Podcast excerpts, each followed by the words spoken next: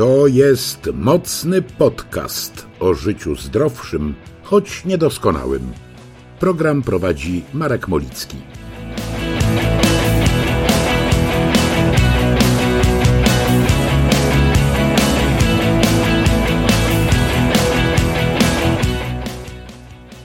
Jeszcze czuję emocje związane z publikacją przedpremierowego odcinka, a już zapowiadam pierwszy pełnowymiarowy mocny podcast o numerze 001. Zapraszam.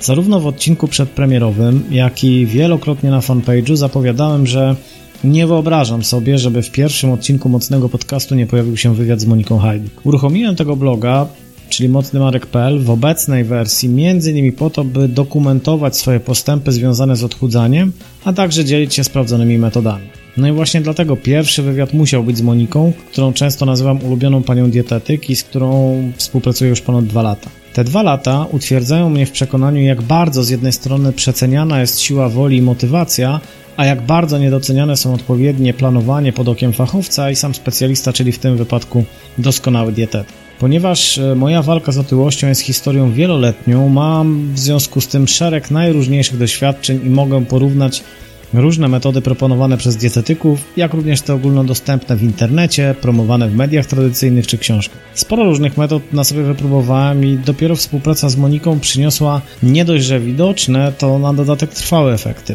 I to zarówno jeśli chodzi o to, co widać okiem nieuzbrojonym, czyli mniej lżejszego o już 20 kg, no ale też to, co wymaga mikroskopu i analityka medycznego, czyli badania krwi, a właściwie ich wyniki.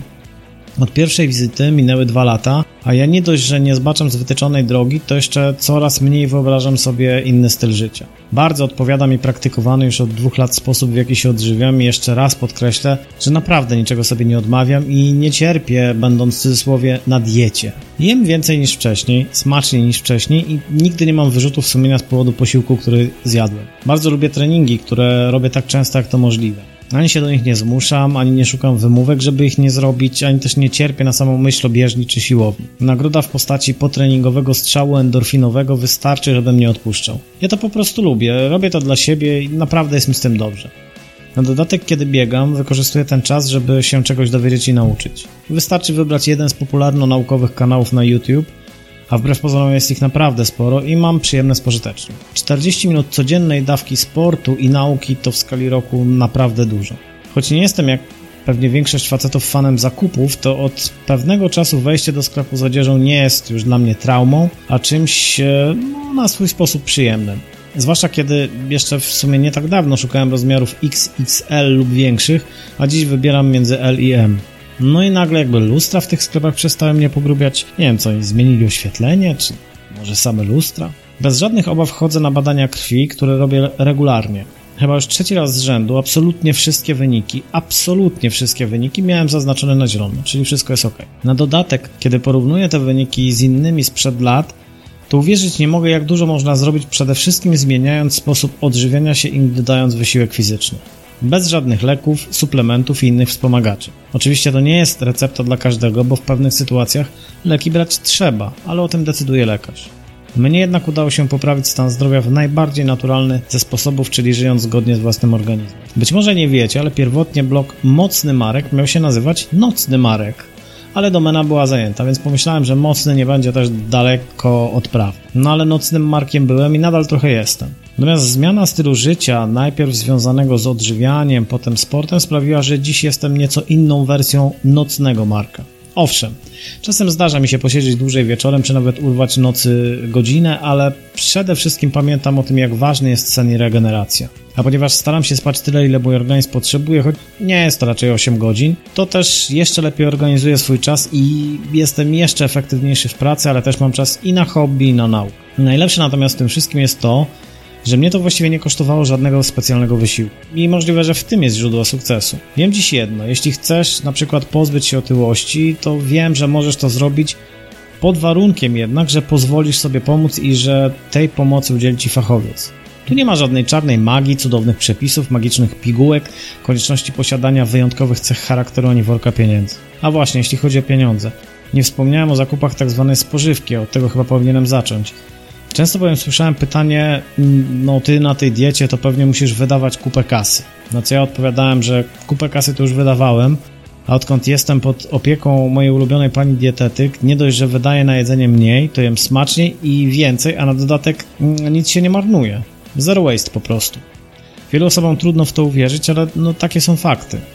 To właśnie niewłaściwe odżywianie kosztuje dużo, bo często nie dość, że kupujemy mnóstwo niepotrzebnych produktów, to jeszcze później sporo z nich wyrzucamy. Ja zupełnie przypadkiem przeszedłem na drugą stronę barykady i chyba nawet Greta Thunberg byłaby dziś ze mnie dumna. Ok, dość już moje, mojego gadania, czas na główny punkt programu. A teraz zapraszamy do wysłuchania rozmowy z gościem specjalnym, którym jest Monika Hajduk, właścicielka i szefowa Centrum Dietetycznego Monwita, którą czytelnicy mojego bloga znają jako ulubioną panią dietetyk. No to zaczynamy. Dlaczego Monika Hajduk postanowiła zająć się dietetyką i odchudzać Polaków? O, a to, to ciekawe y, pytanie. Zawsze nauki medyczne, takie około medyczne były mi bliskie, aczkolwiek nie do końca byłam pewna, czy chcę być lekarzem, w związku z czym wyszło takie zainteresowanie naukami około medycznymi i właśnie tak padło na dietetykę. Jeszcze jak ja ją studiowałam, to to był dość mało popularny kierunek. Pamiętam jak mówiłam swojej rodzinie, na jaki kierunek studiów poszłam, to wszyscy pytali, to co ty będziesz robić po studiach? Te 5 lat e, studiów to był taki boom, kiedy faktycznie ta nauka zyskała na, na znaczeniu, więc wstrzeliłam się w idealnym momencie. No to prawda, w bardzo idealnym, bo osób, które mają problemy z wagą, czy też z prawidłowym odżywianiem jest, e, mam wrażenie, coraz więcej.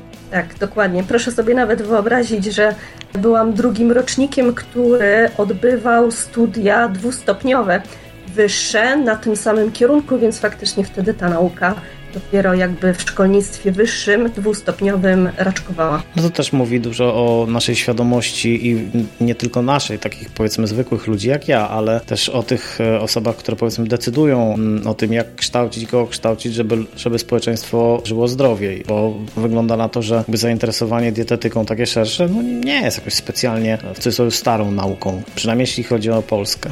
Nie jest tak, nie jest to stara nauka, choć mocno powiązana stricte z medycyną, bo już w 1974 roku już WHO, Światowa Organizacja Zdrowia, zakwalifikowała otyłość do chorób cywilizacyjnych i ta otyłość jest dzisiaj wpisana w klasyfikację chorób takich ICD, więc nie jest to taki stan podwyższonej ilości tkanki tłuszczowej, to jest po prostu już choroba. No to niewątpliwie źródło wielu innych chorób, o tym jeszcze porozmawiamy chwilę później. Jeszcze o, chciałbym porozmawiać o, o edukacji, bo takie nasuwa mi się pytanie, jak Cię obserwuję, czy żeby być skutecznym dietetykiem trzeba się non-stop kształcić, bo wy, wydawać by się mogło, że generalnie organizm ludzki działa według pewnych niezmiennych reguł i w sumie, żeby schudnąć, trzeba organizmowi dostarczyć po prostu mniej kalorii niż wynosi dzienne zapotrzebowanie, tymczasem Ty ciągle zdobywasz wiedzę, wiedzę i tylko na Twojej stronie znaleźć można, policzyłem specjalnie, 41 certyfikatów potwierdzających ukończenie kolejnych szkoleń. A przecież no, jesteś absolwentką studiów o kierunku dietetyka na Warszawskim Uniwersytecie Medycznym, czyli już z tego tytułu masz dość sporo fachowej wiedzy. Tak, aczkolwiek ta pierwsza nauka to jest właściwie wstęp do, do prawidłowego wykonywania swojej pracy, ponieważ no jak z zawodem lekarza wiąże się on z ciągłym doskonaleniem kwali swoich kwalifikacji, uaktualnianiem wiedzy. Ja często nawet mówię swoim pacjentom, że jeszcze 5-7 lat temu mówiłam na wizytach jedną rzecz, a dzisiaj moje stanowisko już zupełnie inne. Na przykład, o dość nie, e, niedawny przykład, zeszłego tygodnia opowiadałam pacjentom, na jakich oliwach można smażyć, jakie są dobre do poddawania do obróbki termicznej i właśnie opowiadałam, że jeszcze jak studiowałam, mnie uczono, że na z oliwek extra virgin, tej z pierwszego tłoczenia, nie można było smażyć i tak byłam uczona, natomiast według obecnego stanu wiedzy wręcz przeciwnie, więc widać jak ta nauka po prostu się zmienia. Jedna z pani doktor wysokiej klasy specjalistów, doktor Szajewska, kiedyś powiedziała takie ciekawe zdanie, że połowa tego, czego jesteśmy uczeni na studiach, w ciągu najbliższych 10 lat okaże się nieprawdziwa. Dlatego to ciągłe doskonalenie kwalifikacji. Ja nawet nie nadążam za wrzucaniem na stronę tych, tych certyfikatów, ale trzeba tą wiedzę cały czas doskonalać. Zastanawiam się mm, nad innym aspektem tego uaktualniania wiedzy, no bo jeżeli na przykład to, co wspomniałeś o tych oliwach i generalnie tłuszczu do smażenia, czy to może być tak na przykład, że no i pewnie tak może być, że, że y, dzisiejsza wiedza na jakiś temat za 10 lat, tak jak mówisz, może się okazać, że dzisiejsze porady nie do końca są tak właściwie zdrowe, tak? czy dobrze wpływają na, zdro na, na zdrowie. Czy jednak e, ogólnie co do zasady powiedzmy większość tych porad, które są udzielane, albo większość e, po prostu wiedzy na temat zdrowego trybu życia jednak nie, e, jednak tak bardzo się radykalnie nie zmienia. Zmienia się, aczkolwiek myślę, że internet, pomimo tego, że jest bardzo rozwijającym się medium, nie nadąża za tą aktualizacją wiedzy i na przykład możemy znaleźć y, tam informacje sprzed 10-15 lat i to są właśnie te informacje, które już są nieaktualne. Stąd ten, ten ogromny miszmasz mhm. panujący w internecie i pacjenci czasami zgłaszają się do mnie wcale nie z problemem nadwagi, otyłości, z problemami zdrowotnymi, tylko żeby zweryfikować wiedzę, czy to, co oni wiedzą, jest, jest prawdziwe. U nas w Polsce jest jeszcze jeden taki duży, duży problem. Problem tego, że zawód dietetyka jest nadal nieuregulowany prawnie i mamy dużą liczbę takich pseudo-specjalistów, którzy niestety szerzą nieprawidłowe informacje, które potem bardzo ciężko jest wykorzenić.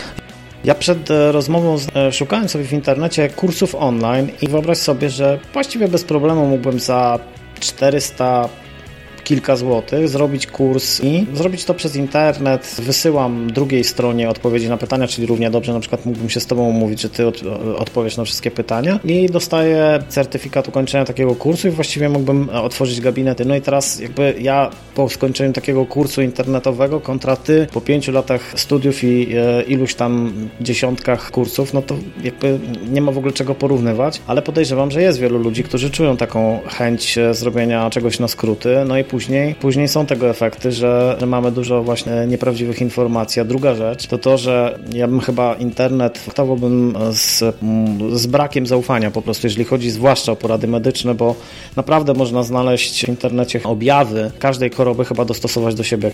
Tak, tak, dokładnie. Zasadę ograniczonego zaufania powinniśmy stosować nie tylko na drodze i weryfikować po prostu też wiedzę, doświadczenie tych osób, Rzadko się zdarza, ale zdarzało mi się w perspektywie doświadczenia kilka osób, które poprosiło mnie o pokazanie dyplomu studiów wyższych, właśnie tych certyfikatów i pomyślałam sobie, fajnie, to są osoby, które faktycznie odpowiedzialnie podchodzą do swojego zdrowia i takie same prawo mamy poprosić o pokazanie zaświadczenia wykształcenia swojego stomatologa, swojego fizjoterapeutę, a nawet trenera personalnego, ponieważ to są również dziedziny, gdzie tych pseudospecjalistów jest Niestety to prawda, ja mogę powiedzieć, że z własnego doświadczenia, ponieważ ja, jeżeli chodzi o odchudzanie samego siebie, to mogę powiedzieć, że naprawdę jestem ekspertem i wiem e, bardzo dużo ten temat, ale to głównie z powodu tego, że więcej razy mi się nie udało niż udało. Co więcej, ja w przeszłości też korzystałem z porad dietetyków i to nawet naprawdę wydawałoby się z poważnych, szanowanych instytucji.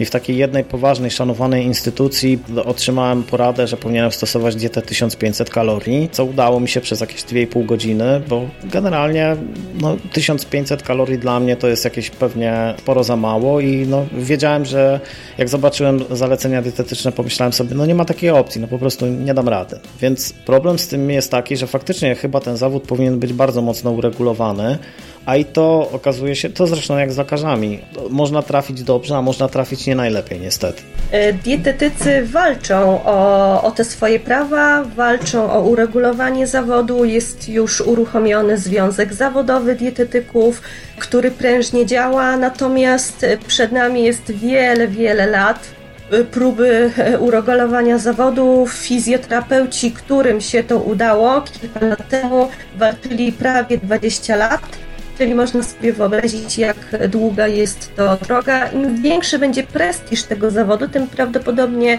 będzie lepiej, ale wymaga to dużo, dużo pracy i cierpliwości. No to przykro trochę to, co mówisz, a myślę, że pacjenci powinni jak najbardziej popierać dietetyków, bo to w sumie o nasze zdrowie chodzi. No dobrze by było, żebyśmy mieli świadomość, że lepiej iść do kogoś, kto naprawdę ma wiedzę, bo ryzykujemy po prostu swoim zdrowiem, a w konsekwencji też życiem, więc no, powinno nam też tak na tym się... zależeć. Nieraz tak się wydaje, że to, to odżywianie to jest taki banalny temat, bo w każdej gazetce o tym czytamy, w internecie multum informacji, natomiast mało kto wie, że nieodpowiednim odżywianiem można sobie zrobić bardzo, bardzo krzywdę. Ja mam taki przykład jednego z pacjentów już mojego wieloletniego pacjenta, młodego chłopaka. Czasami opowiadam też tę historię w gabinecie, żeby przestrzec właśnie przed takimi sytuacjami, który przez długi czas wcześniej był prowadzony właśnie przez trenera personalnego w cudzysłowie, który oprócz może swojego fajnego fachu sportowego chciał się też zająć dietetycznie tą osobą. Ten mój pacjent to jest właśnie chłopak z jedną nerką od urodzenia, więc w grupie też ogromnego ryzyka różnych komplikacji wynikających z posiadania jednej nerki, a nie dwóch. No i właśnie przez długi, długi czas był prowadzony na takiej diecie wysokobiałkowej, która wiadomo ciąża trochę e, nerki i w dużej niewydolności nerek to białko powinno być limitowane. No i finał był taki, że czeka na nerkę, ponieważ ta jedna już przestała dawać sobie radę. Potem organizm wystawia za to rachunek i to jest wysoki rachunek. To jest niestety dramat, ale to, to się mm, bardzo często mam wrażenie zdarza, że ludzie po prostu nie zdają sobie, naprawdę nie zdają sobie sprawy z tego, jak bardzo dużo jedzeniem można sobie pomóc albo jak można sobie zaszkodzić. I teraz to jest właśnie bardzo dobry moment, żeby zadać pytanie, które chyba ja sam najczęściej otrzymuję od osób trafiających na mojego bloga. Naprawdę to jest, to jest chyba znak czasów, no bo wszyscy się spieszymy, więc dziwnego, że i w odchudzaniu nam się spieszy. Pytanie, czy da się odchudzić szybko i skutecznie? Nie, absolutnie nie i te dwa słowa się wzajemnie niestety wykluczają. To samo powtarzam. E, tak, wszyscy chcielibyśmy wszystko mieć jak za stryknięciem palca, zamachnięciem czarodziejskiej różdżki, ale tak nie ma i tak nie ma w żadnej dziedzinie naszego życia, czy to jest budowanie domu, rozwój biznesu, firmy, tak samo w aspekcie zdrowia, wszystko wymaga czasu i cierpliwości. Gdyby to było takie proste, to cały świat byłby szczupły, zwłaszcza Zachód, gdzie ten problem jest największy, najbardziej alarmujący. Nie da rady szybko i skutecznie. Ja często mówię, że to dochodzenie do takiej fajnej, zdrowej formy to jest tak naprawdę próba charakteru, bo cel osiągną wszyscy, ale tylko ci, którzy będą cierpliwi, wytrwali systematycznie i jeszcze 15 razy cierpliwi. Jutro będzie dokładnie dwa lata, kiedy, kiedy ta pierwsza wizyta moja u Ciebie miała miejsce. Także mała rocznica. Ja to teraz nazywam moimi drugimi urodzinami. I pamiętam właśnie, że w czasie tej pierwszej wizyty wspominałaś o, o tym, jak powinno się skutecznie chudnąć i wspominałaś, że być może taka miara jednostkowa, jeśli chodzi o, o miesiąc, no to powiedzmy nie jest jakiś spektakularny wynik, jeśli będzie to na przykład kilogram albo dwa, to faktycznie wielu ludzi myśli sobie, kurczę, to ja się muszę męczyć przez 30 dni po to, żeby zrzucić kilogram albo dwa, ale jak się spojrzy z perspektywy na przykład 12 miesięcy, to jest na przykład 12 albo 24 kg i to już jest zupełnie inna historia, no ale co zrobić, jeśli w społeczeństwie właśnie panuje ta potrzeba już natychmiast, albo to, co zresztą robią media, czyli informowanie w kwietniu. Jeszcze masz szansę na to, żeby dobrze wyglądać na plaży. No zwłaszcza jak się ma 20 kg nadwagi, to raczej mm, będzie to trudne czas jest, jest potrzebny z tego względu, żeby ten proces przebiegł prawidłowo, bez też uszczerbku na innych aspektach naszego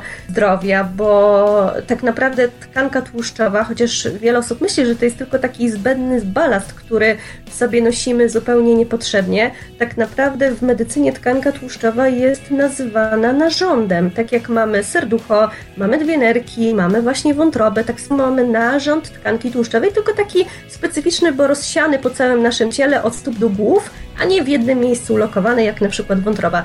Narząd, bo ona w cudzysłowie żyje, czyli pracuje, produkuje różne związki, substancje, cytokiny, tak zwane prozapalne, jest aktywna metabolicznie.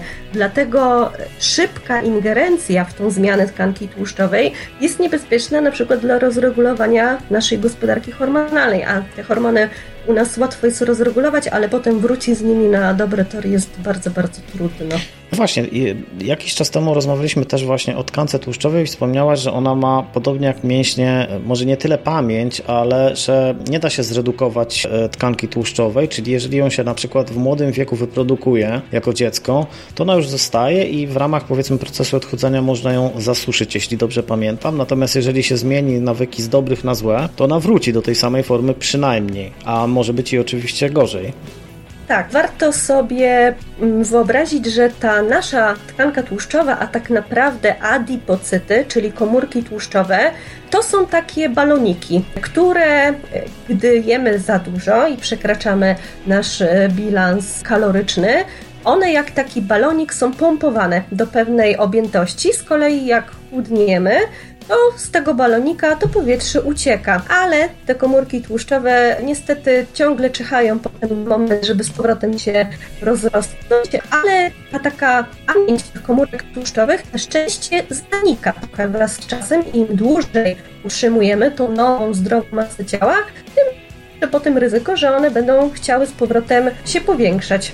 Czyli jest nadzieja dla takich osób jak ja, które tak, walczyły z otyłością. otyłością. Ta, ta, dru ta druga rocznica jest, ta dzisiejsza mocnego Marka jest taką ciekawą rzeczą, bo ja często właśnie mówię swoim pacjentom, że jak osiągamy razem cele w gabinecie i osiągamy tą naszą wymarzoną masę ciała, którą sobie zaplanowaliśmy wiele miesięcy, a nawet lat temu, to to jest w moim słowniku, e, moim prywatnym słowniku dietetyka sukces przez malutkie S. Mhm. Dopiero jak ja bym e, zadzwoniła do swoich pacjentów za dwa lata i zapytała: Dzień dobry, pani Krysiu, czy pani mnie jeszcze pamięta? I bym zapytała, czy tą naszą osiągniętą masę ciała utrzymuje. Jak pani Krysia by mi powiedziała, że tak, po dwóch latach, to ja bym dopiero to małe S mogła zamienić na S, bo wiem, że wtedy już ta zmiana faktycznie jest już no jest już bardziej prawdopodobna na stałą zmianę.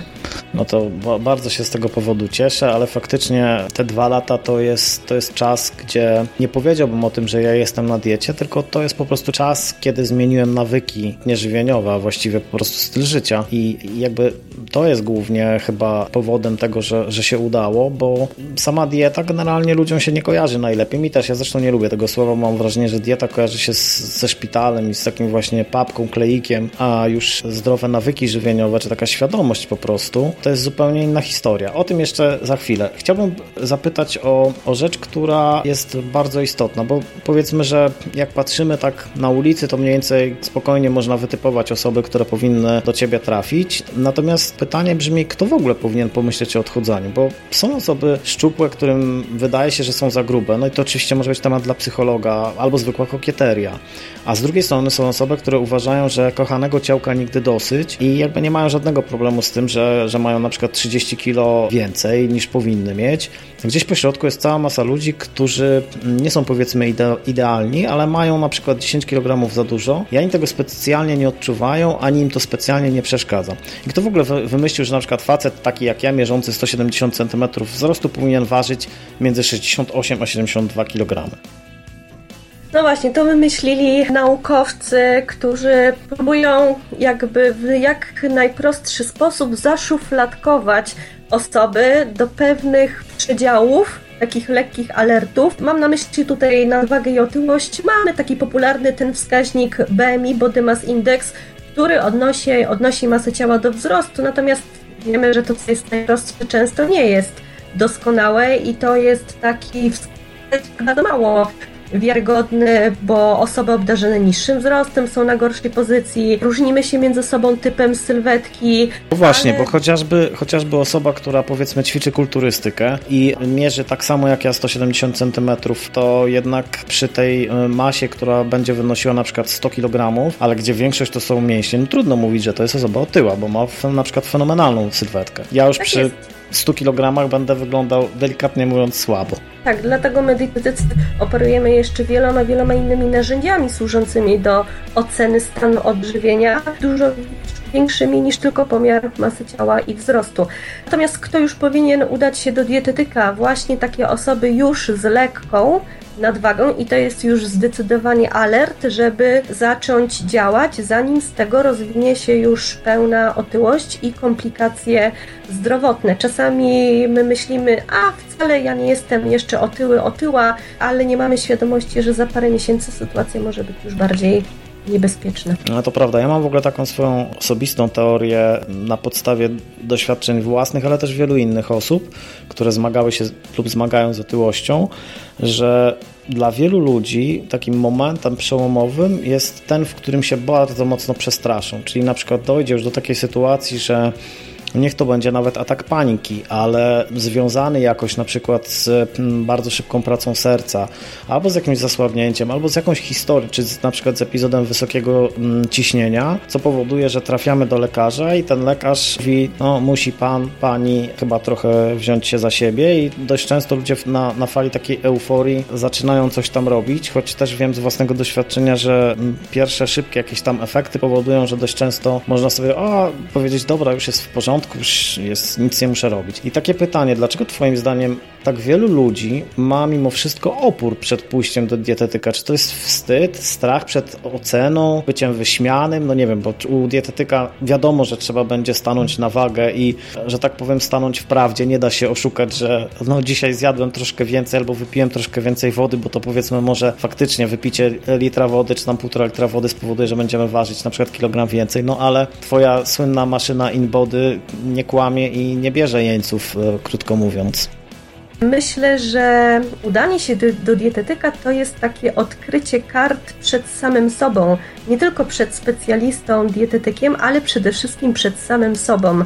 Zwrócenie uwagi na to, jaki jest stan, jak to faktycznie wygląda, jak ta masa ciała powinna prawidłowo wyglądać, więc jest to takie trochę przyznanie się może trochę do takiej swojej porażki w tym aspekcie i jest to taki duży problem właśnie psychologiczny. Myślę też, że jest wiele kiepskich stereotypów na, to, na, na, temat diety. Właśnie bardzo często nam się kojarzy, że to są same wyrzeczenia, że to jest jedzenie samej sałaty, chodzenie złym, głodnym, rozdrażnionym, a jak się potem okazuje, nic bardziej mylnego. Myślimy, że zdrowa dieta jest czasochłonna, jest droga do przygotowania, że będziemy stać godzinami w kuchni. To są też trochę opory przed, przed zmianą. Bo nie wiemy, że zdrowo to też smacznie. Powiem szczerze, przyznam, że ja dopiero jak przeszedłem na, na ten jadłospis przez Ciebie przygotowany, zacząłem znacznie więcej jeść. Zresztą pamiętam nasze pierwsze spotkanie, kiedy Ty powiedziałaś, patrząc na ten dzienniczek przygotowany z trzech ostatnich dni, e, powiedziałaś dokładnie takie słowa, które zapamiętałem i Panie Marku, może głupio to powiedzieć, ale ja jem więcej od Pana.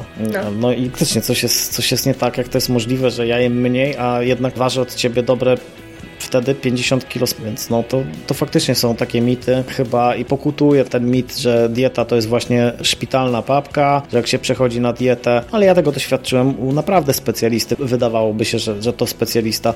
Dieta 1500 kalorii, w czasie której właściwie mm, niewiele można jeść, albo dieta, na, w której odmawia się sobie właściwie wszystkiego, co dobre. Tymczasem na tej diecie, którą ty zaproponowałaś, jadłem nie dość, że więcej w ogóle, to jeszcze jadłem bardzo dużo słodyczy, o tym zresztą za chwilę bo to jest też ciekawy temat. Wracając do tego procesu chudnięcia albo podjęcia decyzji, ja na swoim blogu, ale też w czasie rozmów z każdym, komu zależy na schudnięciu, proponuję najpierw wizytę u lekarza, zrobienie badań, a następnie wizytę u dietetyka. I wiem, że ty dokładnie zalecasz pacjentom zrobienie badań i przede wszystkim to, o czym przed chwilą wspominałem, wpisywanie tego, co się je przed wizytą. Dlaczego Twoim zdaniem Twoim zdaniem, jako eksperta i profesjonalistki, takie podejście jest ważne? Kierowanie na te badania wstępne przed wizytą ma trochę taki cel też profilaktyczny z mojego punktu widzenia, bo my mamy wrażenie, w Polsce nadal się nie badamy, nie badamy się profilaktycznie, udajemy się do lekarza dopiero jak coś złego się dzieje, jeśli już bardzo, bardzo źle się czujemy. I badań, które ja sugeruję y,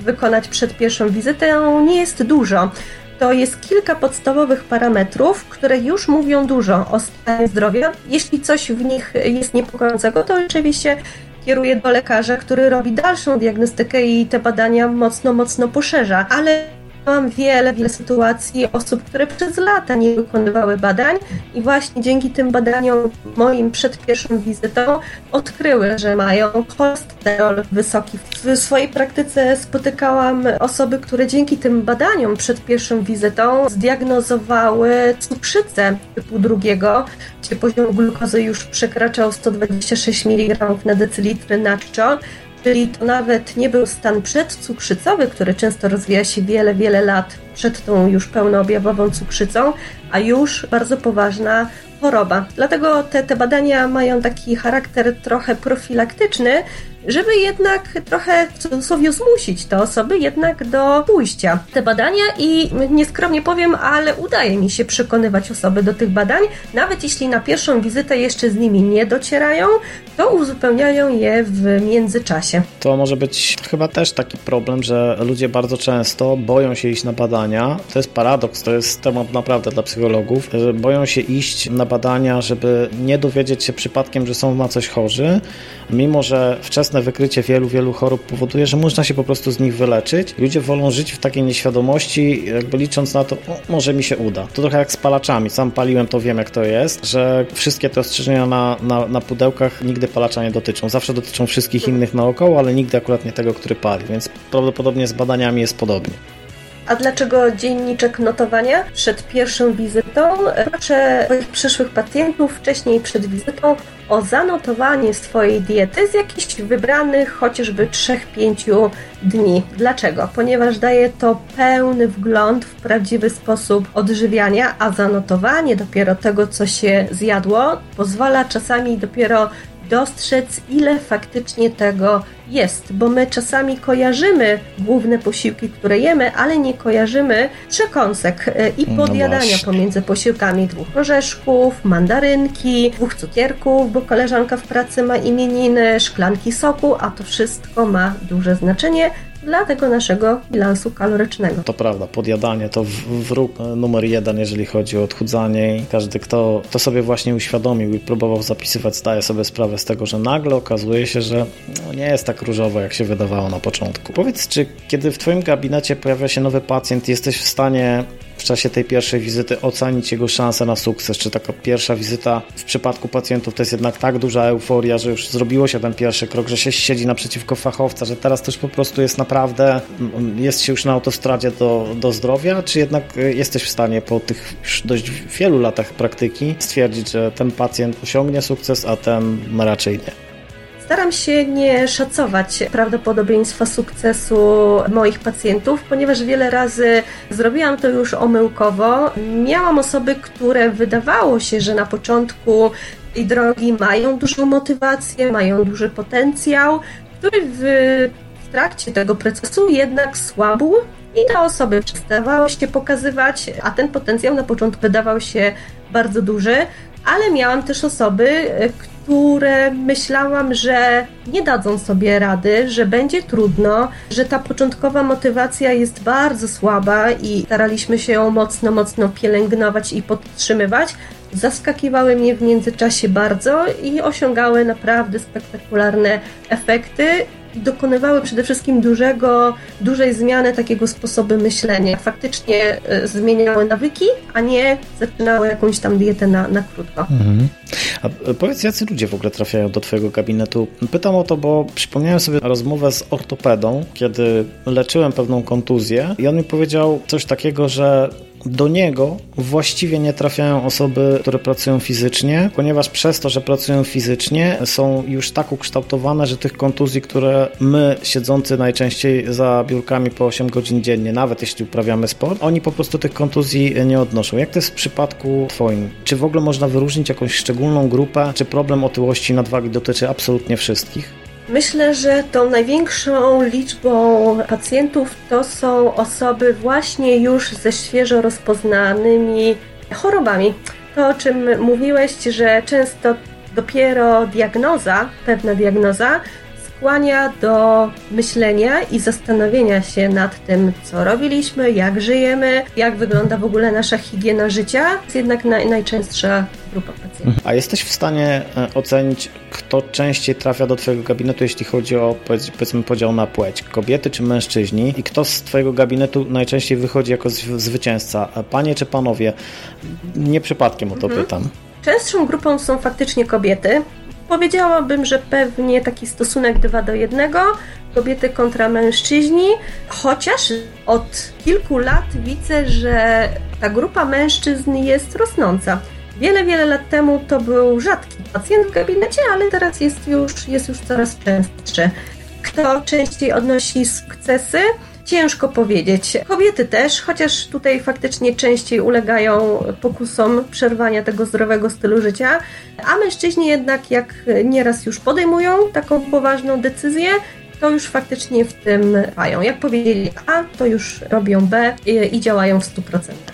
W ogóle mnie nie dziwi to, że częściej pojawiają się panie, bo w ogóle odnoszę takie wrażenie, może faktycznie to się zmienia, ale jednak kobiety bardziej dbają o siebie niż mężczyźni. Mam wrażenie właśnie w naszej części Europy, zwłaszcza to jest e, dość mocno widoczne. Mam, mam nadzieję, że się to będzie zmieniało, ale nawet patrząc na twojego fanpage'a, gdzie publikujesz co pewien czas te meta, metamorfozy, to tam z kolei przewaga kobiet jest, no powiedziałbym, miażdżąca. Po prostu większość, większość to są panie, nie licząc może dzieci, gdzie faktycznie chłop chłopcy się zdarzają, ale tak to właściwie najczęściej są to panie i one mają te metamorfozy no, momentami spektakularne. Pamiętam jedną z twoich pacjentek, zresztą chyba nawet twoją koleżankę, która schudła 38 kg. To w ogóle jest po prostu nieprawdopodobny sukces. Tak, to są już faktycznie metamorfozy przez, przez wielkie M.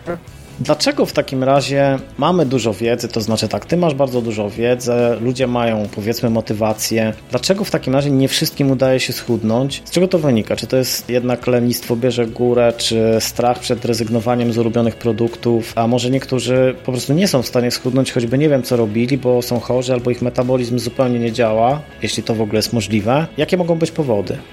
Myślę, że to jest dużo takich uwarunkowań e, psychologicznych. Dlatego ja też często równolegle z współpracą z pacjentem naszą dietetyczną polecam też współpracę z psychologami. Dlaczego? Ponieważ bardzo mało kto rozpatruje tą walkę o zdrowie, o, o, o dobrą sylwetkę w kontekście procesu. A proces ma to do siebie, że ileś czasu trwa i trwa bardzo, bardzo długo. I my, my często zapominamy, że to wszystko musi trwać etapami. To wszystko ma swoją kolej, że nie zmienia się wszystko jak za pstryknięciem e, palca i te poszczególne nawyki zmienia się stopniowo.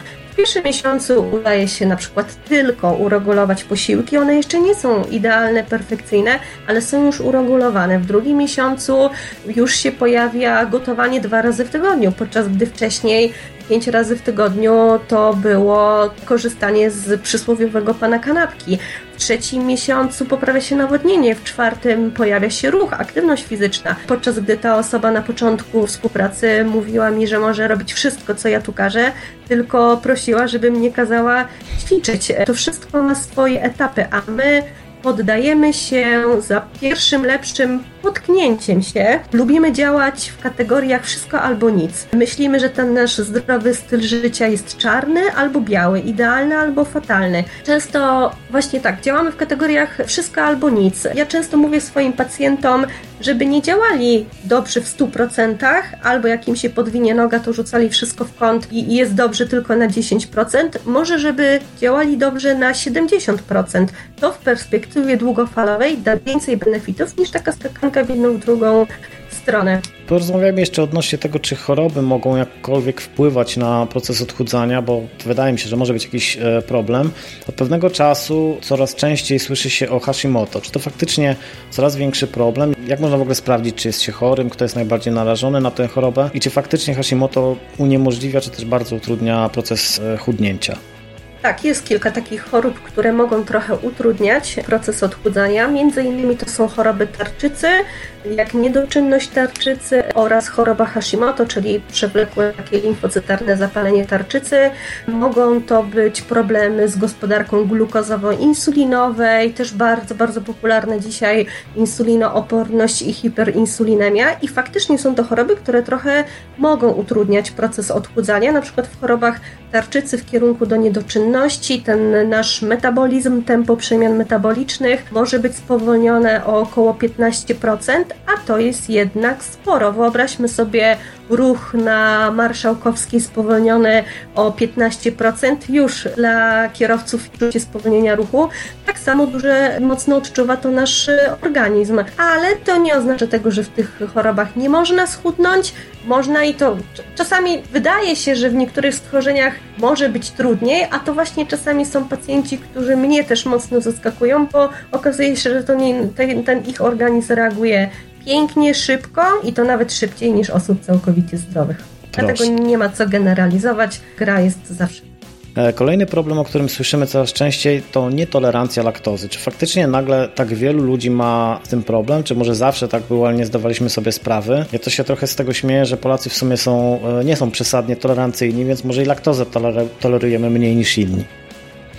Faktycznie, problem z nietolerancją laktozy jest rosnący i faktycznie ten odsetek osób z jej nietolerancją rośnie. Faktycznie może częściej dzisiaj się o tym y, mówi, bo już znamy mechanizmy, które za to odpowiadają, ale wraz z wiekiem też każdy nas, z nas wytwarza coraz mniej takiego enzymu laktazy przez A, który trawi laktozę przez O, czyli po prostu ten cukier mleczny. Jeszcze w naszej strefie, strefie klimatycznej, tutaj w Europie Środkowo-Wschodniej i Północnej, tolerujemy tej laktozy jeszcze całkiem sporo, natomiast na innych kontynentach, na przykład w Azji, ten problem z laktozą jest jeszcze powszechniejszy, a te różne rasy też wzajemnie krzyżują, dlatego też ten proces jest coraz powszechniejszy. Jak można w ogóle stwierdzić, że nie toleruje się laktozy? Czy jest jakiś test na to, tak. czy, czy to tak, po prostu... jest na to test y, i właśnie warto o tym mówić, ponieważ wiele osób diagnozuje tą nietolerancję laktozy z własnych obserwacji ale można to oczywiście zdiagnozować i najlepiej jest to zdiagnozować. Robi się taki test wodorowy, wodorowo-oddechowy z laktozą, czyli mierzone są pewne parametry w naszym wydychanym powietrzu. Normalnie w laboratorium, w każdym większym laboratorium takie, takie badanie można wykonać. Czyli test, który nie boli. Absolutnie. Czyli krótko rzecz mówiąc, badajmy się, bo to nie boli, a może bardzo pomóc. Wiemy już, że Polacy niezbyt chętnie chodzą na badania. Tak chyba niestety jest. Różne są tego powody też. Wydaje mi się, że tak zwana państwowa opieka zdrowotna no, też nie jest przesadnie wydolna, więc to też może być powód. Natomiast pytanie, jak Polacy wypadają pod względem otyłości na tle innych narodów europejskich? Czy należy już bić na alarm, czy może nie odbiegamy od europejskiej normy? Warto bić na alarm i my trochę się zbliżamy do, do tych krajów, zwłaszcza zachodnich, i ten mm, problem nadwagi i otyłości w Polsce rośnie. I to jest niepokojący trend, bo nie widać stagnacji w rozwoju, widać ewidentnie te wskaźniki rosną. Rosną wśród dorosłych, rosną wśród dzieci. Ta właśnie młodsza grupa wiekowa jest szczególnie pod wielką kontrolą obecnie w Polsce, ponieważ okazuje się, że polskie nasze dzieciaki to ją najszybciej w całej Europie po prostu ten odsetek rosnący jest obecnie najszybszy na tle wszystkich, absolutnie wszystkich krajów europejskich. No to dramatycznie w takim razie w przyszłości będzie jeszcze więcej ludzi, którzy będą chorowali na różne choroby, których źródłem może być otyłość, bo być może ja mam takie wrażenie, że wielu ludzi nie zdaje sobie w ogóle z tego sprawy, że otyłość, która sama w sobie jest chorobą, jest też przy okazji e, źródłem bardzo wielu różnych innych chorób. Tak, e, nadwaga otyłość bezpośrednio prowadzi do rozwoju innych chorób, różnych e, incydentów tych sercowo-naczyniowych, sprzyja rozwojowi właśnie miażdżycy, cukrzyc, chorób zwyrodnieniowych, wielu otworów. Odnośnie tej plagi otyłości wśród dzieci, mnie zastanawiają powody, bo powiedzmy, że w czasie, kiedy ja chodziłem do podstawówki, było to wiele, wiele lat temu, jeszcze w, w innym systemie e, politycznym obowiązującym w Polsce, też mieliśmy sklepiki szkolne, gdzie można było sobie kupić powiedzmy słodką bułkę, ale to, jaką na przykład widzę różnicę między tamtymi czasami a tymi teraz, o czym słyszę od wielu rodziców, jest to, że rodzice bardzo chętnie zwalniają dzieci z WF-u pod najróżniejszymi, czasami naprawdę absurdalnymi pretekstami typu, żeby się dziecko nie spociło. To, po to się sport między innymi uprawia, jakby jest skutkiem ubocznym jest pocenie się, ale jak wiadomo ruch to konieczność. Jeśli chce się być zdrowym, to generalnie trzeba się ruszać. Poza tym, jeżeli się nie wykształci odpowiednich wzorców u dzieci, to trudno oczekiwać, że będą aktywni albo że będą kochać sport jako dorośli. Czy to na przykład jest Twoim zdaniem powód, dla którego dzieci tyją, czy jest ich tych powodów znacznie więcej? Powodów jest znacznie, znacznie więcej i te powody tak naprawdę sięgają bardzo naszych wczesnych lat życia, takich, których w ogóle jeszcze nie pamiętamy, ponieważ tak naprawdę nasze nawyki żywieniowe kształtowane są głównie do szóstego roku życia, czyli do momentu, kiedy wychodzimy z przedszkola. Potem te nawyki żywieniowe mogą być już tylko i wyłącznie modyfikowane, a modyfikacja jest dużo, dużo trudniejsza niż to wstępne kształtowanie. Bardzo szeroko dzisiaj dostępna ta wysoko przetworzona żywność fast foody na każdym no tak, kroku, słodycze. Wydaje mi się, że w naszych domach coraz rzadziej gotujemy. Nasze kuchnie są już czasami czysto dekoracyjne, a nie służą tak naprawdę przygotowywaniu jedzenia. Jeśli dzieci nie zabierają ze sobą z domu kanapki, to zaczynają kombinować w międzyczasie. W drodze do szkoły zachodzą do sklepu, kupują słodką bułkę, drożdżówkę, y, słodycze, które trochę tłumią ten głód. W drodze powrotnej ze szkoły zachodzą do popularnych fast foodów. Po prostu y, ta, ta potrzeba gotowania w wielu domach jest mocno zaniedbywana. To ja wykorzystam ten moment i powiem, że to, że gotowanie zajmuje dużo czasu jest mitem. To, że gotowanie w domu jest bardzo drogie, droższe niż na przykład kupowanie sobie pana kanapki jest drugim mitem, ponieważ ja przeprowadzałem takie eksperymenty właśnie e, w czasie mojego procesu odchudzania. My z żoną gotujemy na przemian razem, albo razem, albo właśnie czasami na przemian. Przeprowadzaliśmy takie testy i nam na przykład wychodziło, że jesteśmy w stanie ugotować obiad dla dwóch osób na dwa dni w ciągu 30 minut i ten obiad, jak kiedyś policzyłem, on był głównie akurat niewielkim dodatkiem mięsa, ale trochę go było, żeby nie było tak, że same rośliny to nam wychodziło, że jed, jeden obiad kosztował 7 zł. I potem ja z takim obiadem szedłem do pracy, odgrzewałem sobie go w mikrofali i wszyscy naokoło mówili, jak to pięknie pachnie. I zawsze mnie właśnie zawsze padało pytanie, ile ty czasu spędziłeś i musiało to być drogie. I mało kto chciał mi wierzyć w to, że to jest naprawdę proces, który nie trwa długo i wcale nie jest drogi. Tak, właśnie kojarzy nam się często, że to zdrowe gotowanie jest bardzo czasochłonne, że jest bardzo drogie. Tak naprawdę często z pacjentami gotujemy na dwa dni, na trzy dni do wygospodarowania produktów, żeby niepotrzebnie nie wyrzucać. Wiele osób też tak źle kojarzy wcześniejsze diety, bo na przykład dostawały od specjalistów diety, gdzie każdego dnia musiały jeść coś zupełnie innego. jeśli kupimy siatkę pomarańczy i dzisiaj mamy zjeść jedną z tej siatki, a w kolejnych dniach już ta pomarańcza jest wykluczona, bo powinna być zastąpiona innym owocem, powoduje to, że nasza frustracja rośnie, bo produkty zostają, bo je wyrzucamy. Wyrzucamy nasze pieniądze w błoto, po prostu jest to niepraktyczne do zrealizowania na dłuższą metę. Tak, to jest bez sensu. Ja dodam jeszcze, że od momentu, kiedy zaczęliśmy stosować się do Twoich zaleceń i zaczęliśmy kupować te produkty według jadłospisu na cały tydzień, to zauważyliśmy taką ciekawą rzecz, że po prostu wydajemy mniej na, na jedzenie, a wcale, a jemy więcej niż jedliśmy wcześniej. Po drugie, no ja schudłem przez dwa lata 19 kg i nadal utrzymuję tą wagę, chociaż właściwie już trochę więcej, bo jeszcze, jeszcze mi się e, udaje zrzucić następne kilogramy. Natomiast to, co jest ciekawe, po prostu robimy zakupy raz w tygodniu i od tego dnia, e, kiedy robimy zakupy, do tego dnia, w którego znowu jedziemy, czyścimy po prostu lodówkę, tak że nic nie wyrzucamy, czyli właściwie same korzyści. Tak, dokładnie. Wszystko się zaczyna od tego, że idziemy do sklepu z konkretną listą zakupów zakupów. Kupujemy to, co tak naprawdę będzie nam potrzebne. Nie ma wkładania przypadkowych rzeczy do koszyka, e, nie ma kupowania produktów pod wpływem impulsu. To, co kupiliśmy, wykorzystujemy na bieżąco i stąd się bierze właśnie ta oszczędność i czasu i pieniędzy. Zostańmy jeszcze chwilę w kuchni. Rozmawialiśmy też o sporcie. Chciałbym te dwie rzeczy połączyć, bo to jest taki wniosek dość ciekawy dla mnie. Od kilku mądrych trenerów personalnych, podkreślę to mądrych, słyszałem coś, czego nie spodziewałem się w pierwszej chwili usłyszeć od nich, bo to trochę powiedzmy sprzeczne z ich interesem jest. Otóż mówili oni, że na przykład brzuch robi się w kuchni. Oczywiście nie w kontekście odcinania sobie fragmentów ciała, tylko odpowiedniego żywienia. Często słyszę również informacje, że skuteczne odchudzanie to w 70% dieta, a tylko w 30% sport. Dlaczego zatem nie wystarczy po prostu więcej się ruszać i nie rezygnować na przykład z jedzenia tabliczki czekolady dziennie? Nie wystarczy, ponieważ my często trochę przeszacowujemy tą naszą aktywność fizyczną. Ona jest bardzo ważna, wpływa na ogólnie stan nasz zdrowia, na stan kręgosłupa, i na psychikę. Na, na, stan naszych, na psychikę, stan naszych mięśni.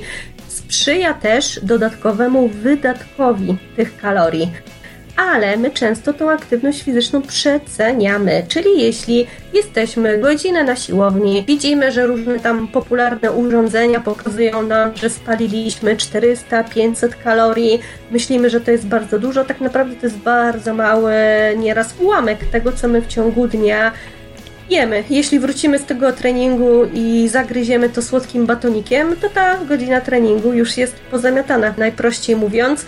Dlatego mówi się, że często 70% sukcesu to jest jednak to, co kładziemy na talerz, bo to jest najważniejsza rzecz. 30 to jest ruch, bo gdy ten pierwszy aspekt zawodzi, drugi nie daje, nie daje wymiernych efektów. Ostatnio jedna z pacjentek, która też współpracuje z fajnym trenerem personalnym, powiedziała mi, że ten trener, jak już przez wiele, wiele miesięcy pracuje na tej siłowni, widzi, nie znając tych osób, ale znając już ich z twarzy, widzi, kto kładzie nacisk na swoją dietę, nie rozmawiając z nimi zupełnie, mm. bo jeśli widzi osobę, która przychodzi w to miejsce od 6-8 miesięcy i ćwiczy, ale wygląda cały czas tak samo jak wyglądała, to znaczy, że ten pierwszy aspekt, czyli diety, jest mocno zaniedbywany. Wspomniałem o słodyczach i to nie raz. To ciekawy temat i chciałbym się na, nad tym zatrzymać chwilę z kilku powodów. Co pewien czas piszą do mnie ludzie, którzy chcieliby się odchudzić, ale zbyt kochają słodkie rzeczy, żeby z nich zrezygnować i tak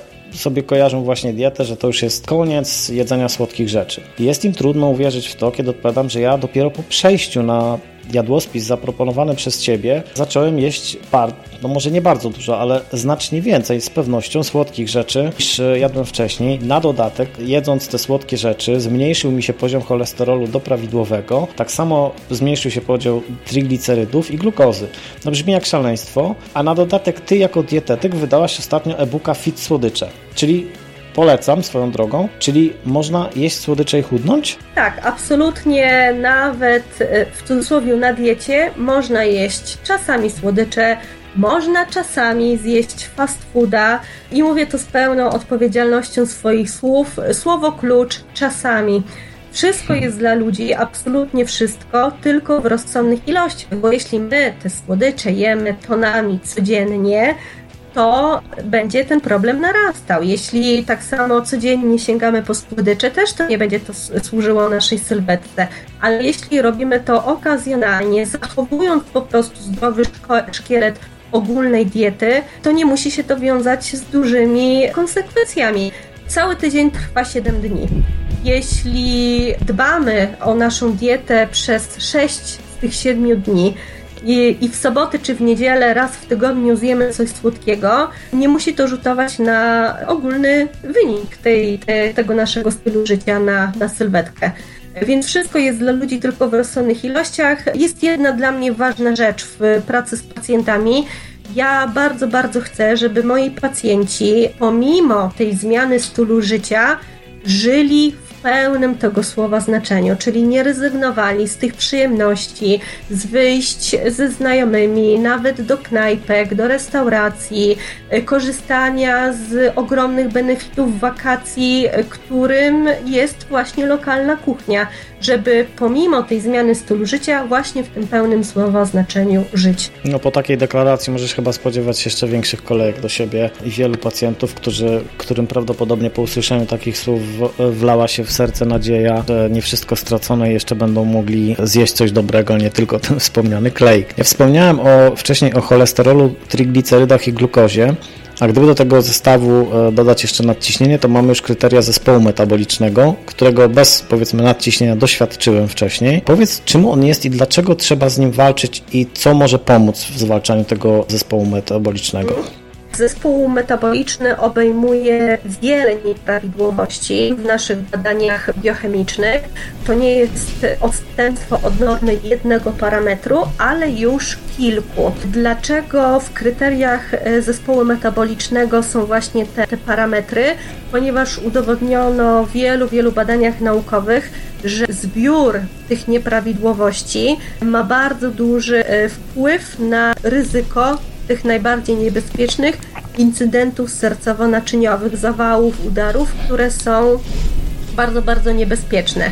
A ten zespół metaboliczny w kontekście odżywiania jest bardzo ważny, ponieważ głównie na te parametry ma wpływ właśnie nasza dieta, to co kładziemy na talerz, to czy ćwiczymy, ile ćwiczymy, to jest jedna właśnie z takich przypadłości, którą można cofnąć właśnie odpowiednim stylem życia. Ja miałem właśnie zespół metaboliczny i po kilku miesiącach stosowania odpowiedniego żywienia i ruchu po prostu ten zespół metaboliczny zwalczyłem bez stosowania żadnych leków.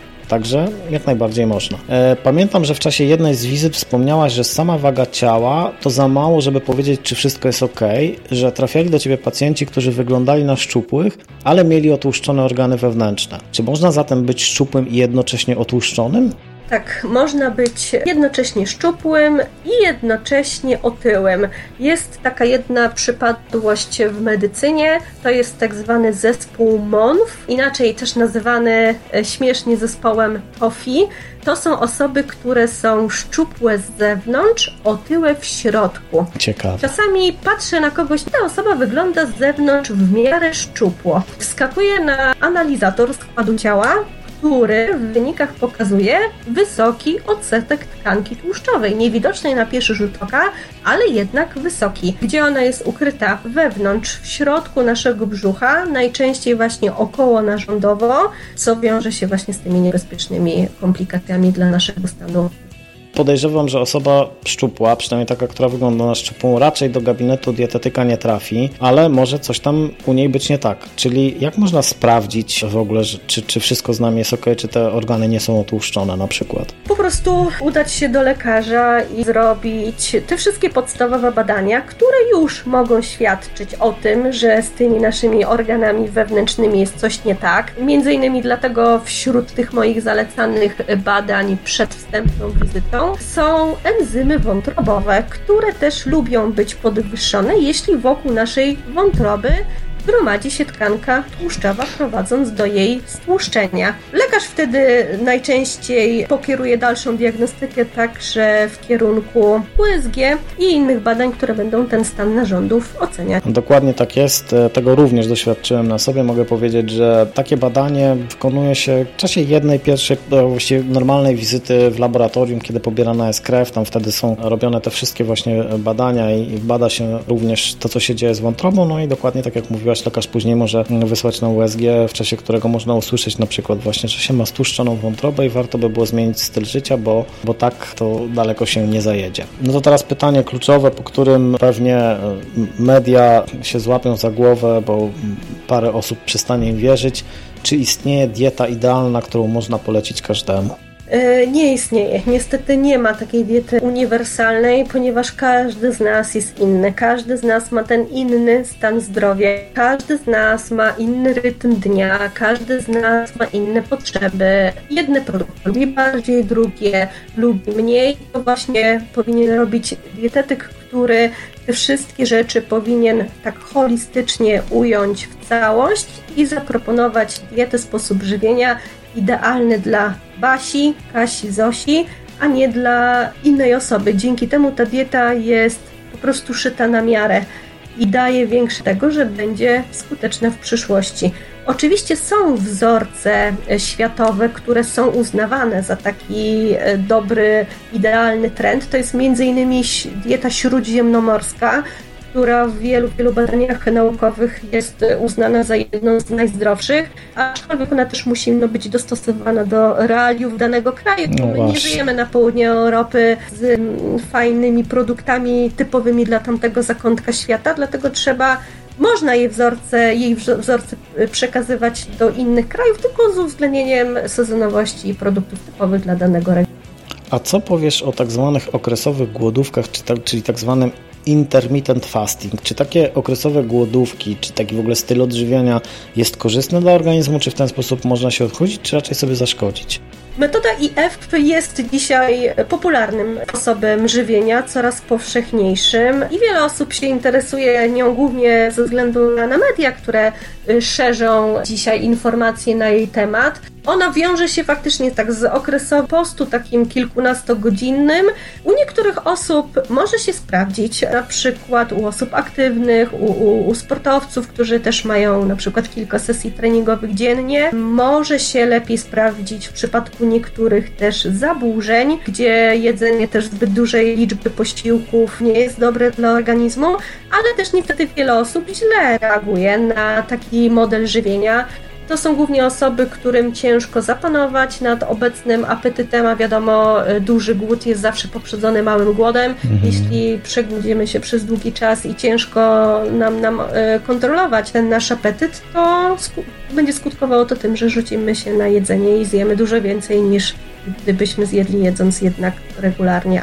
Ostatnio w TVN pojawił się wywiad z dr Dąbrowską na temat jej diety i ta dieta jest, powiedziałbym, różnie oceniana. Często słyszę, że jest co najmniej kontrowersyjna. Jaka jest Twoja opinia na ten temat? Moja opinia na temat diety y, dr Dąbrowskiej jest niestety zła, z tego względu, że jest to dieta, która jest niedoborowa w wiele składników odżywczych, a głównie, główny niepokojący jej element to jest czas jej trwania, czyli około 6 tygodni, gdzie faktycznie bazując na dużej ilości warzyw i owoców, które absolutnie są zdrowe i bogate wiele witamin i składników mineralnych, to niestety niedoborowa w inne składniki odżywcze, na przykład białka, na przykład węglowodany złożone i automatycznie uboga w chociażby witaminy z grupy B, bo jeśli chcemy postosować dietę trochę bardziej warzywno-owocową przez 2-3 dni po świętach, bo wtedy faktycznie zjedliśmy trochę więcej, okej, okay, dlaczego nie? To nie trwa na tyle długo, żeby spowodowało coś złego naszemu organizmowi, ale po 6 tygodniach niestety już tak. No ja miałem takiego znajomego, on co prawda twierdził, że to się nazywa post Daniela, ale z tego co pamiętam to bardzo mocno bazowało chyba właśnie na, tym, na tej diecie dr Dąbrowskiej. No i on e, stosował ten post przez 40 dni. Generalnie ten post był bardzo takim bardzo radykalny, jeśli chodzi o, o, odżywianie się. Ja z nim nawet rozmawiałem i nawet zresztą pisałem do ciebie, bo pamiętam, że byłem zaskoczony, że człowiek może się w ten sposób odżywiać. No i on oczywiście przez te 40 dni, czy po 4, tych 40 dniach schudł, a właściwie zmniejszył swoją objętość. Natomiast to, co stało się w ciągu kolejnych miesięcy, to był dramat, bo ten człowiek spokojnie e, przytył, nie skłamię, jeśli powiem, że ze 20 kg, czyli nie dość, że no, wróciło do niego, klasyczny efekt jojo, nie dość, że wróciło do niego to, co to, co stracił w czasie tych 40 dni, to jeszcze dostał drugie tyle chyba w bonusie. Czy to jest odosobniony przypadek, czy to tak po prostu za, zazwyczaj działa? Zazwyczaj tak, tak to działa, zawsze stosując jakiś sposób żywienia ten post doktor Dąbrowski, post Daniela, dietę XYZ, warto zastanowić się, co ona da nam w perspektywie perspektywie długofalowej. Już zaczynając taką dietę, musimy sobie zdawać sprawę, że nie będziemy jej stosować do końca życia, a jeśli nie będziemy, to ten efekt jojo po zmianie z powrotem na zły trend i zmurowany. Kiedyś byłem na takiej diecie, która opierała się o tabelę indeksu glikemicznego. To kolejny taki wynalazek i faktycznie muszę przyznać, że schudłem 25 kg, ale to jest dokładnie to, o czym ty powiedziałaś. Na dłuższą metę ta dieta była dla mnie nie do utrzymania, bo wśród produktów zakazanych jest mnóstwo tych rzeczy, które ja bardzo lubię, chociażby kukurydza, winogrona, arbuz, najróżniejsze rzeczy. No i oczywiście powiedzmy po 5 czy 4,5, 5 miesiącach stosowania tej diety, gdzie faktycznie efekty były super, zacząłem powoli wracać do starych nawyków i zacząłem jeść to, co jadłem wcześniej, bo po prostu nie wyobrażałem sobie życia bez, bez tego, co lubię. Czy zatem w ogóle takie podejście, układanie jadłospisów w oparciu o indeks glikemiczny ma sens? Tak, ma sens, absolutnie i my to też stosujemy. Nasz, nawet w naszej wspólnej pracy, tej dwuletniej, też stosowaliśmy elementy właśnie diety o niskim indeksie i ładunku glikemicznym, czyli z przewagą produktów o tym niskim indeksie glikemicznym. Nawet tego nie zauważyłem. Tak, który powoduje mniejsze wahanie glukozy we krwi, który powoduje mniejsze wyrzuty insuliny przez trzustkę. Dlatego Zamiast pieczywa pszennego częściej jedliśmy pieczywo żytnie. Dlatego y, białe ryże częściej zamienialiśmy na brązowe, białe makarony na makarony pełnoziarniste. Y, więc te elementy diety o niskim indeksie glikemicznym stosowaliśmy. Ja je stosuję u 90% moich pacjentów, chyba że są to osoby z jakimiś problemami układu trawiennego, które wymagają bardziej diety lekkostrawnej i z kolei trochę ograniczenia podaży tego błonnika pokarmowego, który jest właśnie szczególnie w tych produktach o niskim niskim indeksie glikemicznym. My stosowaliśmy elementy tej diety, ponieważ nie mamy zdiagnozowanych schorzeń, które wymagają bardzo restrykcyjnego potraktowania, jak chociażby no, zdiagnozowana cukrzyca czy ta insulinooporność, gdzie faktycznie ten indeks glikemiczny ma bardzo już nawet o tym nie wiedziałem, że, że opieraliśmy się o indeks glikemiczny, bo po prostu tego nie czułem. Jadłem wszystko chyba, co było tylko możliwe i to jeszcze chwilę o dietach. W ciągu ostatnich lat powstało bardzo dużo, mam wrażenie, firm oferujących diety pudełkowe. Kilkakrotnie widziałem to, co dostawali znajomi i szczerze mówiąc byłem zaskoczony tym, co otrzymują za jednak dość wysoką cenę. Ja miałem w ogóle wrażenie, że to, co się znajduje w tym pudełku niekoniecznie współgra z faktyczną ilością kalorii, bo tam można sobie wybrać, że na przykład chcę mieć 2,5 1000, 1500 i często te produkty generalnie moim zdaniem pozostawiały sporo do życzenia. E, potem, kiedy właśnie no, no, ja wyciągałem swój własnoręcznie przygotowany obiad i ta osoba e, podgrzewała swój, to tam to wyglądało trochę na plastikowe jedzenie. Oczywiście ja widziałem powiedzmy trzy firmy, to nie jest jakiś duży, czy może pięć nawet, ale to jest powiedzmy wycinek rynku. Ty z pewnością z racji tego, że spotykasz się z wieloma pacjentami, masz ten pogląd znacznie szerszy. Czy poleciłabyś dietę pudełkową swojemu pacjentowi? Tak, czasami bym poleciła dietę pudełkową swojemu pacjentowi, na przykład w pewnych ekstremalnych sytuacjach. Na przykład wtedy, gdy mój pacjent y, przez najbliższe dwa tygodnie ma zamknięcie jakiegoś ważnego projektu w pracy i nie ma zupełnie czasu na gotowanie, albo mój pacjent się przeprowadza i kuchnia nie jest do końca wyremontowana. I wtedy myślę sobie, że skorzystanie przez taki krótszy czas z diety pudełkowej dużo lepszym rozwiązaniem niż zamawianie jedzenia przez jeden z popularniejszych portali do zamawiania mhm. jedzenia do miejsc pracy, ale rzadko polecam ten sposób w perspektywie długofalowej. Dlaczego? Ponieważ korzystanie z takich diet po prostu niewiele uczy. My nigdy nie będziemy przez całe życie na tych pudełkach i kiedyś ten moment nadejdzie, że z nich zrezygnujemy z różnych względów i znowu obudzimy się z ręką w nocniku i nadal nie będziemy wiedzieć, co jeść, jak jeść, w jakich proporcjach i co jest dla nas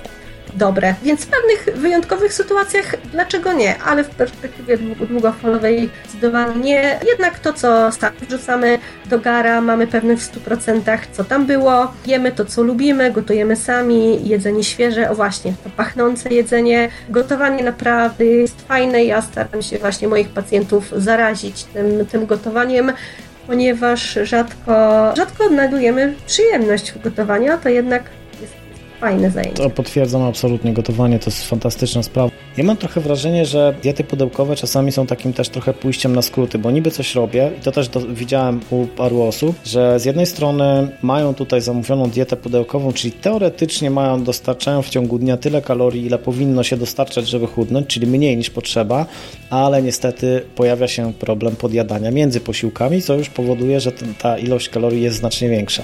I podobnie wrażenie mam, jeżeli chodzi o taką drogę na skróty, skróty, to temat tak zwanych spalaczy tłuszczu. E, sprawdziłem przynajmniej kilka i muszę powiedzieć, że niestety bez większych rezultatów, a po tym jak rozmawiałem z jednym kardiologiem, to chwała Bogu, że bez również konsekwencji. Na podstawie własnych doświadczeń nie chcę jednak wyciągać wniosków w skali makro, bo to co działa na mnie w ten lub inny sposób niekoniecznie musi działać na kogoś innego, albo po prostu nawet w skali makro może się okazać, że działa, a na mnie nie. Jak to jest Twoim zdaniem ze spalaczami tłuszczu? Czy warto je stosować, czy warto sobie po prostu absolutnie je odpuścić? Zdecydowanie warto je, je sobie odpuścić, bo wpływ na nasz organizm y, może być różnorodny tych spalaczy tłuszczów. Warto przed ich zastosowaniem na przykład dobrze znać stan i wydolność naszego układu kardiologicznego. Mhm. Rzadko kiedy idziemy do lekarza po prostu przebadać stan naszego serca. Spalacze tłuszczu należą dość często do grupy suplementów diety. Czy Twoim zdaniem warto w ogóle stosować suplementy diety czy tak naprawdę suplementy diety są czym są, a czym nie są. Bo odpowiedź na to pytanie moim zdaniem jest bardzo ważna, bo mam wrażenie, że Polacy są nie tylko lekomanami, ale przyjmują jakieś nieprawdopodobne ilości suplementów i zresztą nie muszę daleko szukać, bo też miałem takie epizody w swoim życiu, że, że kupowałem najróżniejsze suplementy, mając wrażenie, że jak je zacznę stosować przy okazji ćwicząc, to po prostu te efekty będą nieprawdopodobne i tutaj białko, tutaj kwas BCAA, tutaj jeszcze właśnie spalacz e, tłuszczu, tutaj jeszcze ekstrakt z zielonej herbaty, cynk, selen i tak można w nieskończoność całą listę w końcu zaczyna się świecić jak po wizycie w Czernobylu ale może się mylę, może suplementy diety jednak działają. Niestety nie działają. Częściej odchudzają nasze portfele niż, niż de facto wpływają pozytywnie na nasze zdrowie. Tak naprawdę w ogóle suplement diety to jest taki środek spożywczy, którego celem jest uzupełnienie naszej diety w niektóre witaminy, w niektóre składniki mineralne, tylko niestety z suplementami diety jest tak, że nigdy nie mamy pewności, co tam w środku w nim jest no i ile tego jest, bo to, co jest w środku, wcale nie musi być adekwatne z informacją przedstawioną na etykiecie. Dlaczego? Ponieważ, aby wyprodukować suplement diety, w odróżnieniu od leku, nie trzeba przeprowadzać tak skomplikowanych badań klinicznych, w związku z czym ten, ten skład ilościowo-jakościowy tych suplementów jest mocno wątpliwy. Jeśli już jest potrzebne jakieś wsparcie, to nawet pomimo słowa suplementy diety, nie udajemy się z tym do dietetyka, a do lekarza, ponieważ jeśli wsparcie będzie potrzebne, to lekarz przepisze preparat, ale taki, który jest zarejestrowany jako właśnie lek, którego liczne badania potwierdziły pozytywne działania i mamy pewność, że ten preparat faktycznie podwyższy nam stężenie żelaza, którego nam brakuje, magnezu, potasu, cynku, no i faktycznie będzie działał. Prawda, muszę to potwierdzić, bo kilkakrotnie w czasie tych dwóch lat naszej współpracy pisałem do Ciebie pytając o to, czy na przykład taki suplement warto zastosować, to na przykład dotyczyło kwasów omega-3, czy właśnie wspomnianych selenu, cynku i za każdym razem odpowiedziałaś, że owszem, można to albo to i taka firma i taka firma mogłaby być ewentualnie, bo ma korzystny skład, ale najpierw proponuję wizytę u lekarza i zbadanie, czy w ogóle to jest potrzebne. Czyli takie zdroworozsądkowe podejście jest na, najlepsze, no bo suplement diety nawet jeżeli on jest powiedzmy niegroźny, w, na, w nadmiarze może po prostu zaszkodzić, tak jak wszystko. Jemy za dużo leków, jemy za dużo suplementów, ale też coraz częściej słyszymy, że jemy za dużo mięsa. Wegetarianie często powtarzają, że masowa produkcja mięsa w ogóle po prostu szkodzi planecie. Pomijamy już oczywiście to, a nie powinniśmy, że jest też wielkim cierpieniem dla zwierząt, bo przemysł nastawiony jest na zyski, nie liczy się z emocjami i uczuciami zwierząt.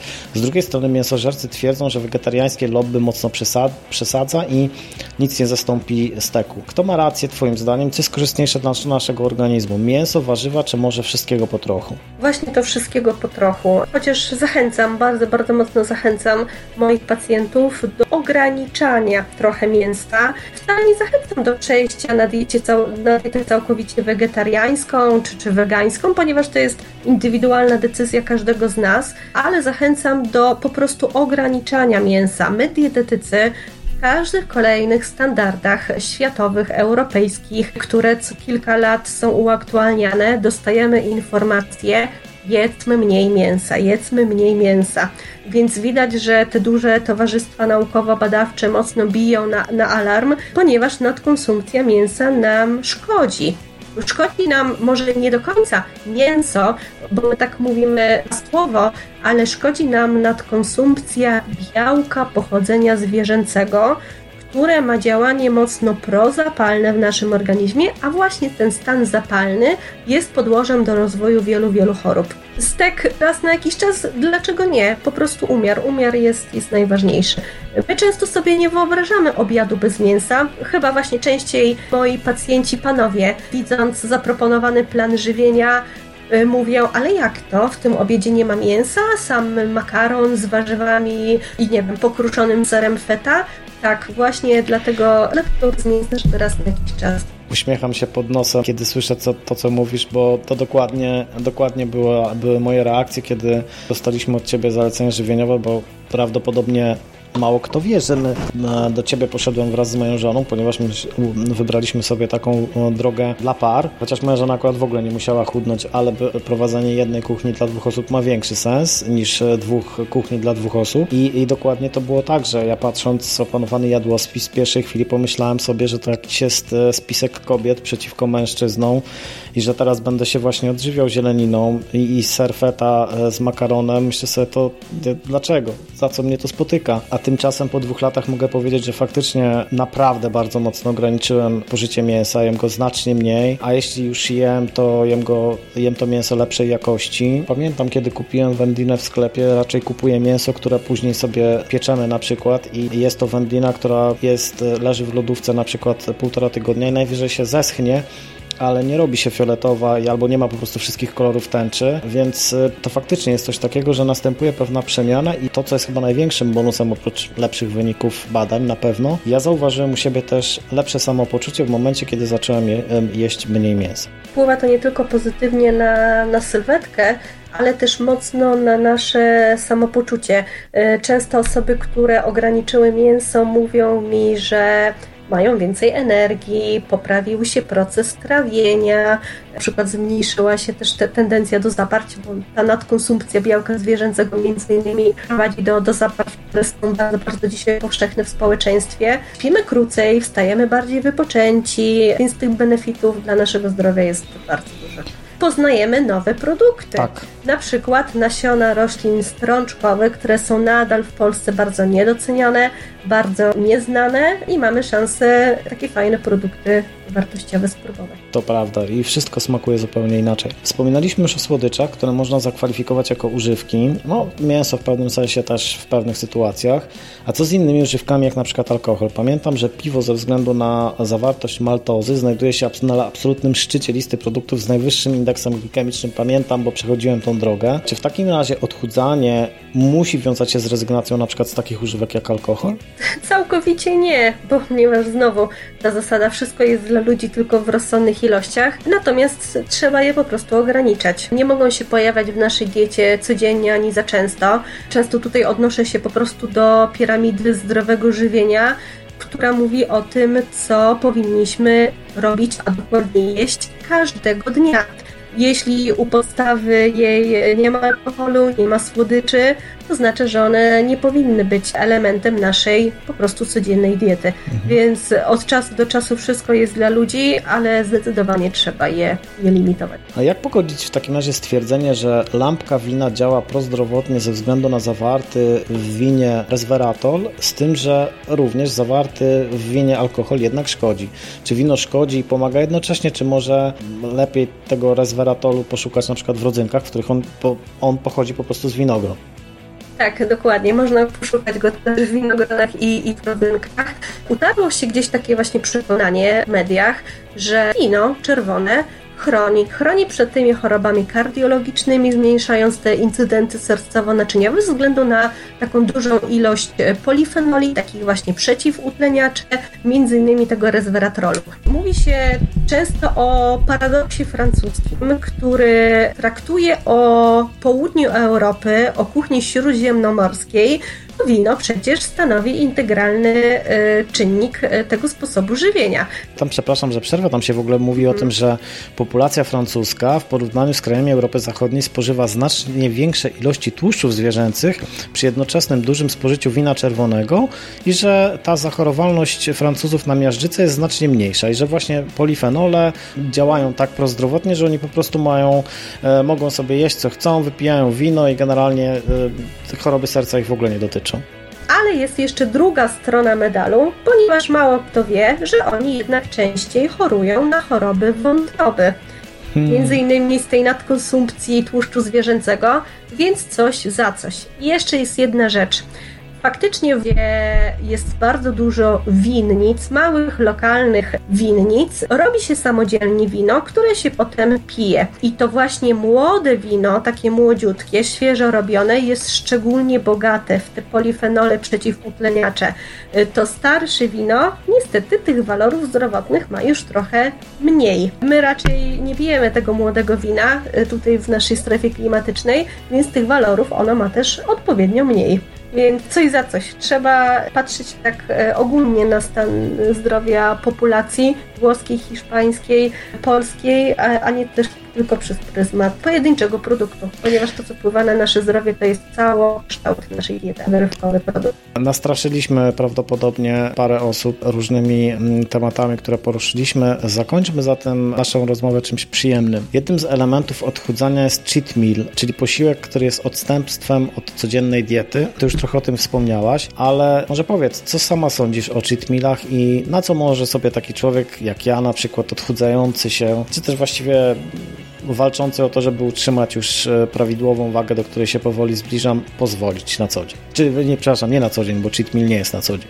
Praktykuję cheat meal u swoich podopiecznych, głównie z jednego względu. Przede wszystkim dla naszego takiego komfortu psychicznego żeby ta zmiana sposobu żywienia nie kojarzyła się z samymi wyrzeczeniami, że nic mi już nie wolno, że to i to i to i to jest zakazane, bo to budzi frustrację i bardzo szybko właśnie rezygnujemy z tego sposobu żywienia.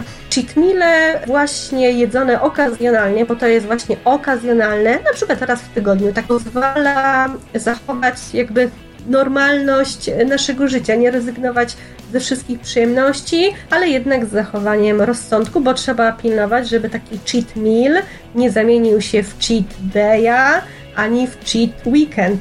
No tak. E, bo wtedy już te konsekwencje dla sylwetki i zdrowia będą. Jednym słowem, umiar ponad wszystko i rozsądek, a wszystko będzie dobrze. Tym optymistycznym akcentem zakończymy pierwszy odcinek mocnego podcastu. Moim gościem była Monika Hajduk, którą na e, blogu i na własny użytek e, nazywam ulubioną panią dietetyk.